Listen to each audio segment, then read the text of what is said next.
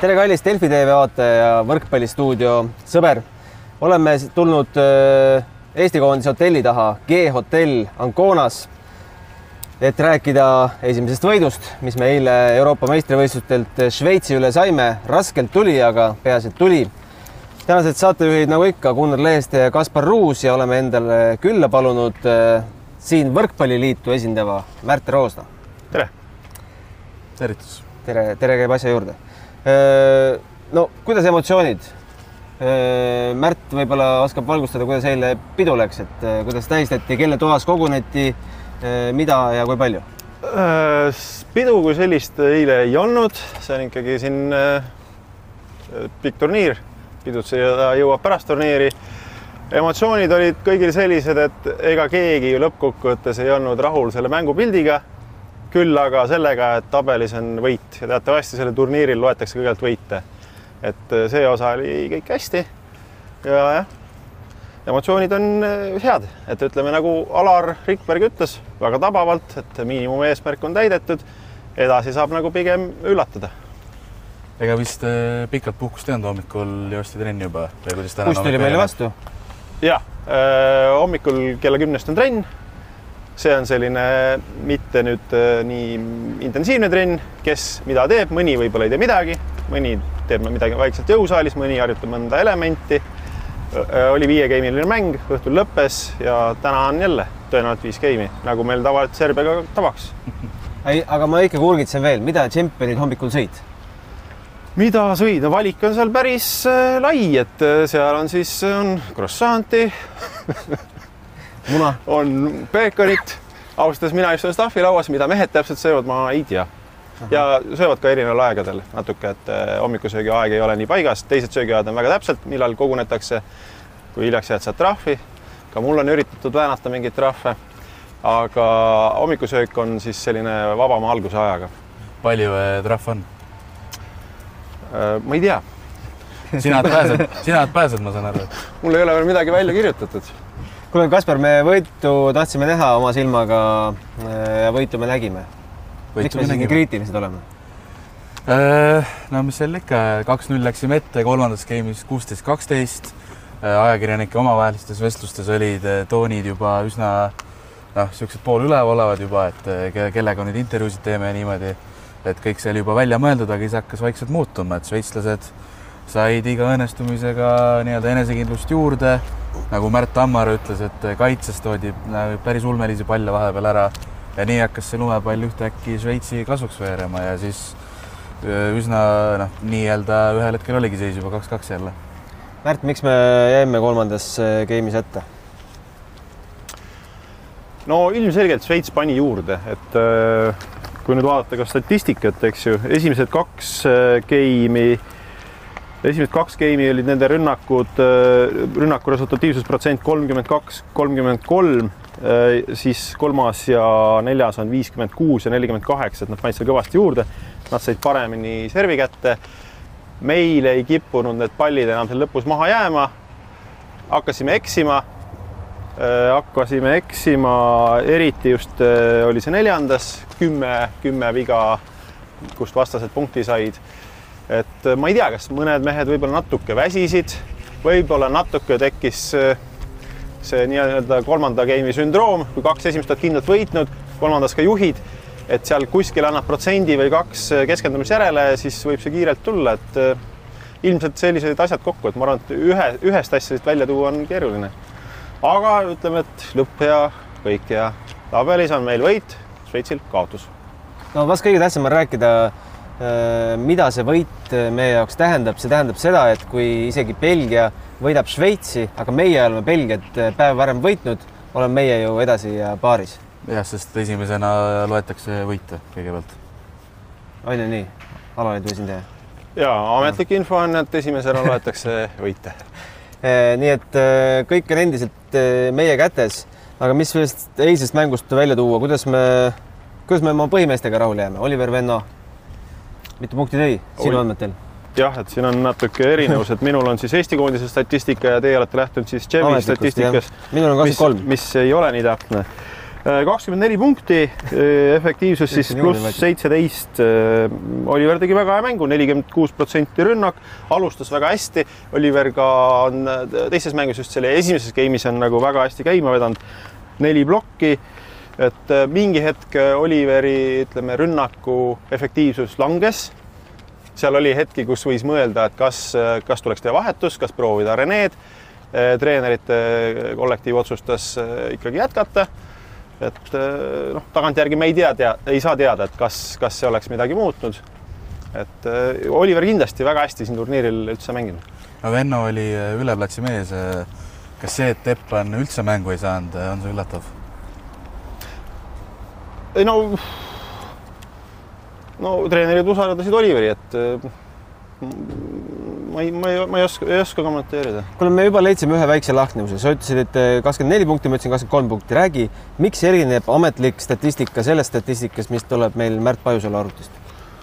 ma arvan, et küsimus on siis äh, statistiku kvaliteedis, et äh, tiimide statistikud on natuke hoolsamad ja ilmselt siis natuke kogenumad, et äh, nad teevad vähem apsakaid.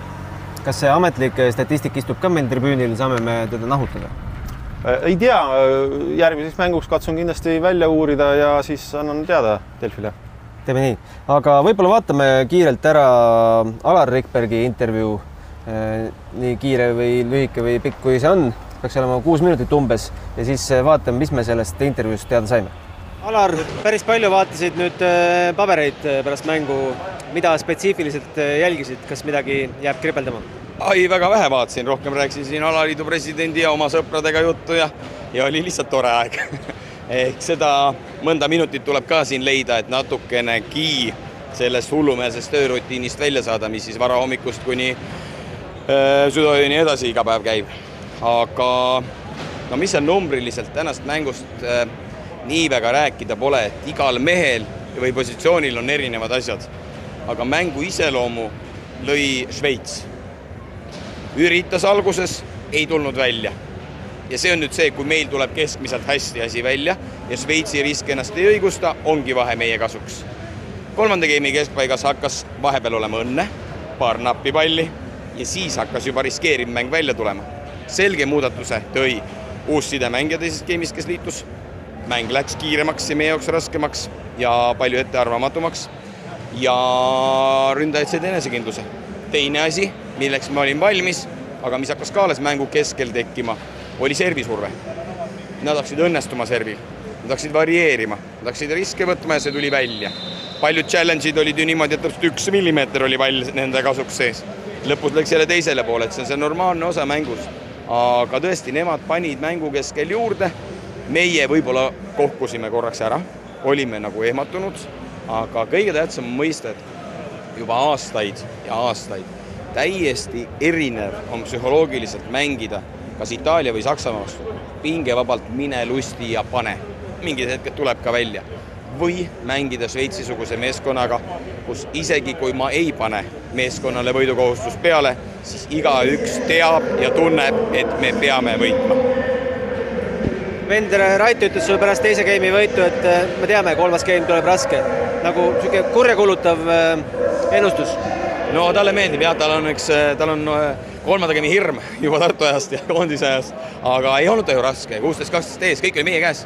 ainuke, mis ma ütlesin, et nüüd ei lase jalga silgu, võtame need mõned üksikud punktid ja siis on see pööramise koht. aga vot siis leidis Šveits selle hingamise. kui sa oled oma domineerimise, oma hetke, oma hea laduse mängu käest ära andnud, jube keeruline on ümber pöörata, õnneks see viiendas alles õnnestus siis. kas nad tegid midagi, milleks me ei olnud valmis või oli kõik äh, ette teada? pigem ma olen nagu pahane selle peale, kuidas neid ei olnud küll palju, aga üksikud mängijad ei saa lihtsatest taktikalistest asjadest kinni peetud. vastane mängis ikkagi väga selgelt sellist mängu, nagu ma eeldasin, et nad mängivad. Teada oli, et selle sidemängijaga saab raske olema nende kiiruste tõttu ja võib-olla ta natukene oma tõstetega ka üllatas, aga see olnud nagu määrav pool. küsimus on selles, et meie kaitsemäng on mannetu ja vastased teisel pool panevad hullu ja toovad igasugu võimatuid palle ülesse. aga me ei suuda kaitset mängida isegi siis, kui pall tuleb poole jõuga ja otse pihta. ja me ei suuda õigetes kohtades olla. see on see, mis on see okas, mis jääb ja, ja väga selge, et kui me niisuguseid asju teeme gramm tugevama vastase vastu, siis karistatakse ära no me räägime negatiivsetest asjadest, aga tegelikult me ju mängu võitsime kolm-kaks.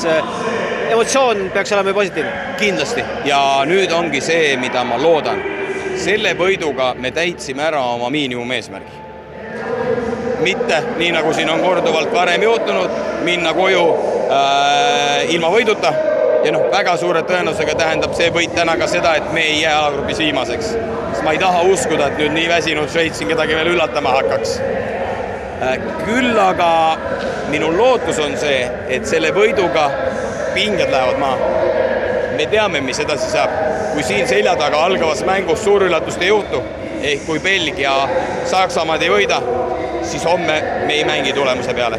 homme me mängime selleks, et mõnele mehele veidi kindlust või mänguaega anda. me mängime selleks, et jälle nautida ja vabalt minna nelja aasta taguse Euroopa meistri vastu lustima hoopis teistsuguse iseloomuga. aga kui siin üllatusi ei juhtu, siis kogu fookus läheb viimasele päevale ja Belgiale. Oliver väsis vahepeal päris ära, saab ta homme puhkust, läheb Rene platsile? jah, selge plaan on, et Oliver, Robert samamoodi, neid meil on palju, keda homme vahetada. aga noh, ma joon selleni tagasi, mida ma ütlen meestele ja mida ma olen öelnud palju avalikkusele. meil ei ole esimest ja teist koosseisu see, et homme mängivad teised mehed, tähenda, et homme mängiks teine koosseis, kuigi ma teen omajagu vangerdusi homseks mänguks. vaid me läheme samasuguse kvaliteediga võistkonnaga võitlusesse. lihtsalt me peame mõtlema selle peale, et meil oleks enam-vähem võrdväärne värskus Belgia mänguks. lihtne see ei ole. belglased mängivad rütmis, kus neil on üheksa päeva jooksul neljas mäng. see on tavaline klubihooaja rütm, umbes kaks mängu nädalas meie mängime seitsme päeva jooksul viiendat ja kolmandat päeva järjest seda otsustavat mängu. et äh, seal tuleb nagu füüsiline pool, tahtejõud ja kõik see väga selgelt mängu ja sellele tuleb panus teha, aga võib-olla ka sellest natukene juba siis homme nagu noh, mingeid valikuid võtta. ja teisipäeval jälle täiega panema? Äh, jah, loomulikult, et äh, ega see, kui mehed muutuvad, ma ütlen, me oleme homme samamoodi täiega panema, lihtsalt äh, tuleb sunnitult teha vangerdusi.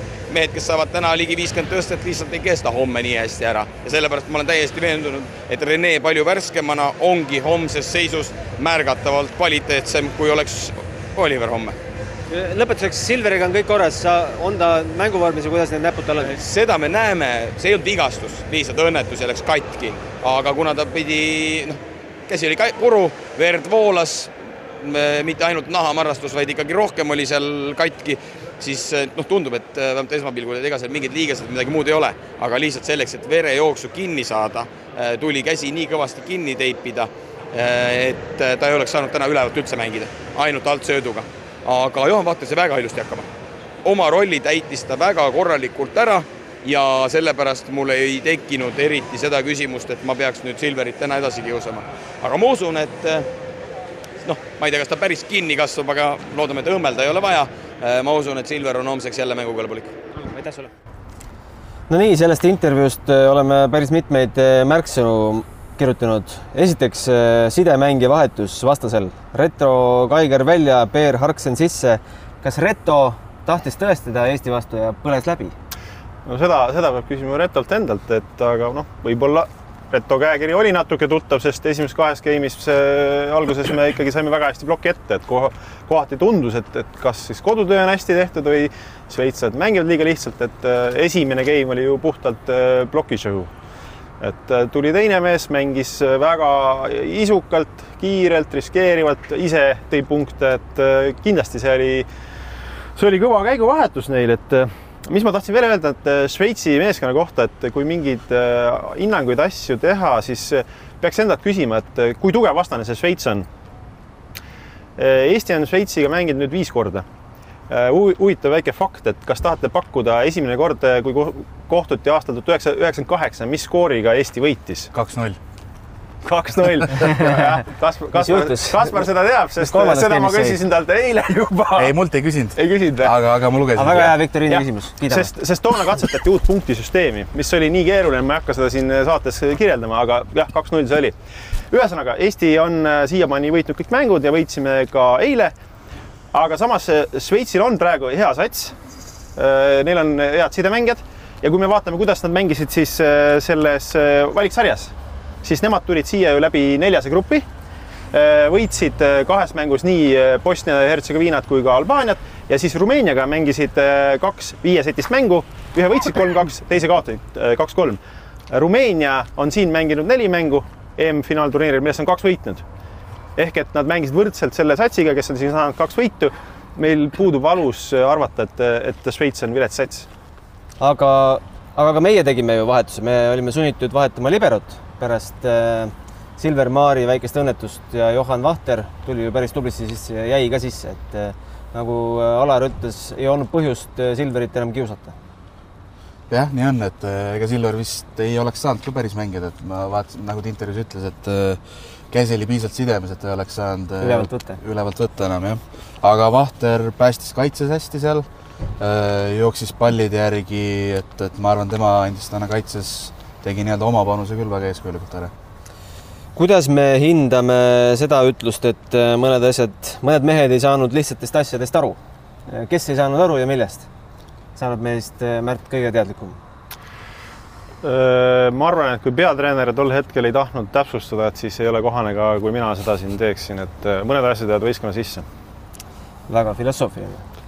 Siis mis me sellest intervjuust veel välja võtame? no eile pärast meie mängu ju Belgia pidas vägeva lahingu Saksamaaga. vaatasite selle mängu, oli, oli närv must Äh, kahjuks mängu sellist äh, vaadata otseselt ei saanud, skoori jälgisime, kui siin äh, õhtul istusin siin ja kogusin lobi fuajees viimaseid mõtteid kokku, siis tuli härra Gröser sinna, ütlesin tänud Eesti meeskonna poolt, et tassis välja. vaatasin, tal oli ka kõva-kõva jääkott oli jala peal ja, ja noh, kas väike longe sees, aga eks tal on selle jalaga probleemid olnud, et seda, seda on, seda on teada, et ta päris päris nagu noh, ja neil ainult üks diagonaal on kaasas, aga, aga tundub, et siiamaani peab vastu. aga kas äh, Belgia selles mõttes äh, natuke ikkagi üllatas, et äh, meid ka negatiivses mõttes, et meil läheb Belgiaga ikka viimases mängus raskeks, kui nad samal no, tasemel mängivad no,? Belgiaga selles mõttes läheb ju raskeks nagunii, et, et eelmine aasta oli meil neli mängu omavahel, minu arust olid kaks ja kaks, aga need kaks, mis Belgia võitsid, olid valiksarjas siin, kui ma õigesti mäletan. oli vist nii, Märt?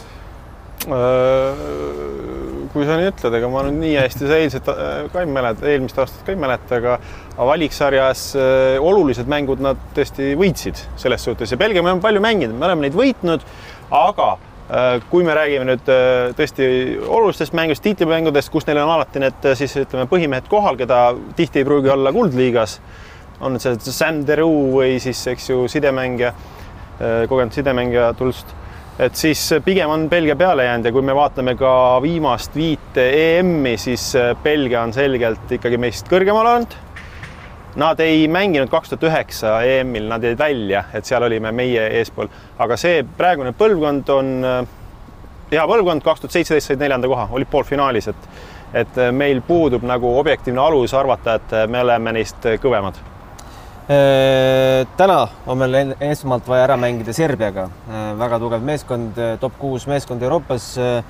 väga hea eelvaade sellele Serbia mm, tänasele mängule on muidugi Kaspari lugu Aleksandr Ant Astanassis, ütle nüüd. Antanassievitš. Antanassievitš, vabandust. et ja siin peab Tutvusta ka, seda intervjuud, jah. peab ka Märti natuke tänama, et Märdi kaudu õnnestus siis Serbia koondise absoluutse superstaariga pühapäeva hommikul Eesti ajakirjanikele suhelda ja võrkpallimaailma Neimar, nagu sa ütlesid. no jah, püüdsin kuidagi konteksti anda siin, aga igastahes, et äh, äh, suhtles väga avatult, oli rahulikult aeg, aega tal pühapäeva hommikul meiega rääkida, meenutas seda kaks tuhat viisteist mängu, kus ta alguses põrus, aga siis tõi lõpuks kolme game'iga kakskümmend punkti ja sellele Serbia, Serbiale siis viiendas game'is magusa võidu, Eestile valusa kaotuse, et äh, ja kaks tuhat seitseteist mängisid Eesti ja Serbia uuesti.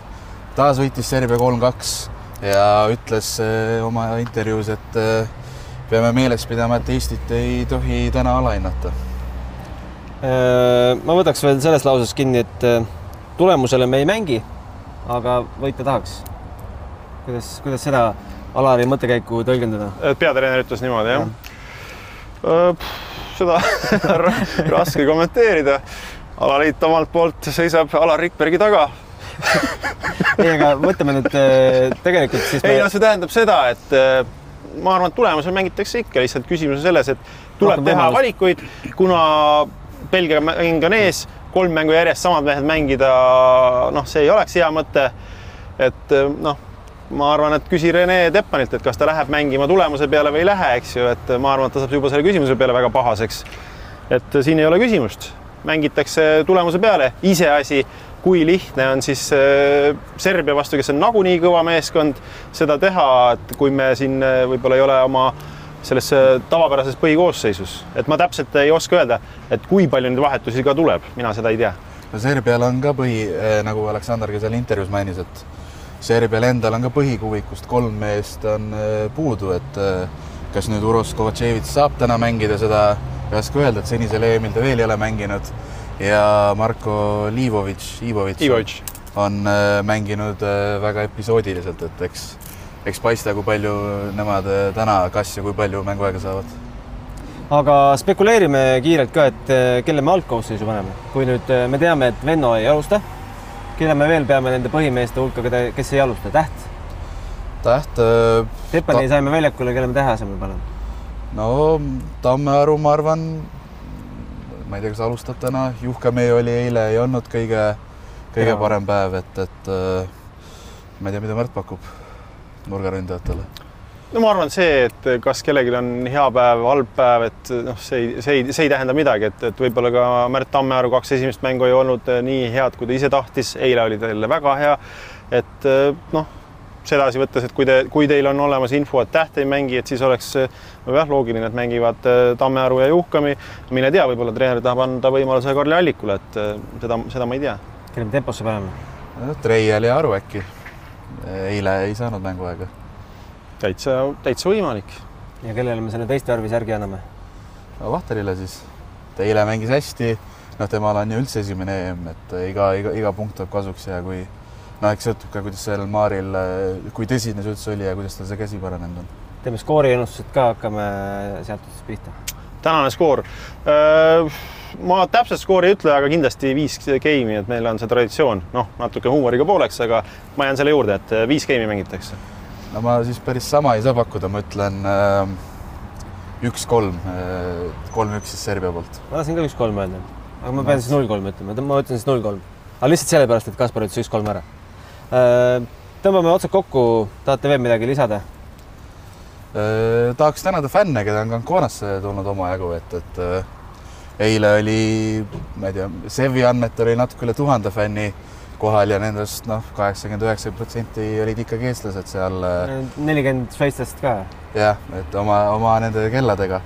aga igastahes jah, tahaks tänada Eesti fänne, kes on ka siia tulnud ja kõvasti meile kaasa elavad, meie koondisele. Serbia fänne on jäänud või? Ei ole väga palju silma hakanud. täna, täna selgub see, et äh, Šveitsi fännid ju täitsa olid olemas ja, ja oli täitsa vahva selles suhtes, et et alaliidu poolt ma ka kindlasti tahaksin tänada fänne ühest küljest, aga teisest küljest ka kindlasti meediat, kes on siia tulnud, kajastab seda hästi. ja noh, ütleme, et kui meil on see slogan, et Eesti on võrkpallimaa, see ei tähenda ju puhtalt seda, et, et noh, me oleme võrkpallimaa, me teeme mingeid tulemusi nii kõvasid. See, see on nagu laiem kontekst, et, et see võrkpall läheb korda, et tänapäeva, täna siis Eestis väga palju jälgivad võrkpalli inimesed, kes seda muidu ei tee ja, ja see on väga vahva ma arvan, et selle tõestuseks tasub vaadata Serbia, Šveitsi, Saksa, Itaalia ajalehti, et palju seal räägitakse võrkpallist ja võrrelda meie esilehega näiteks.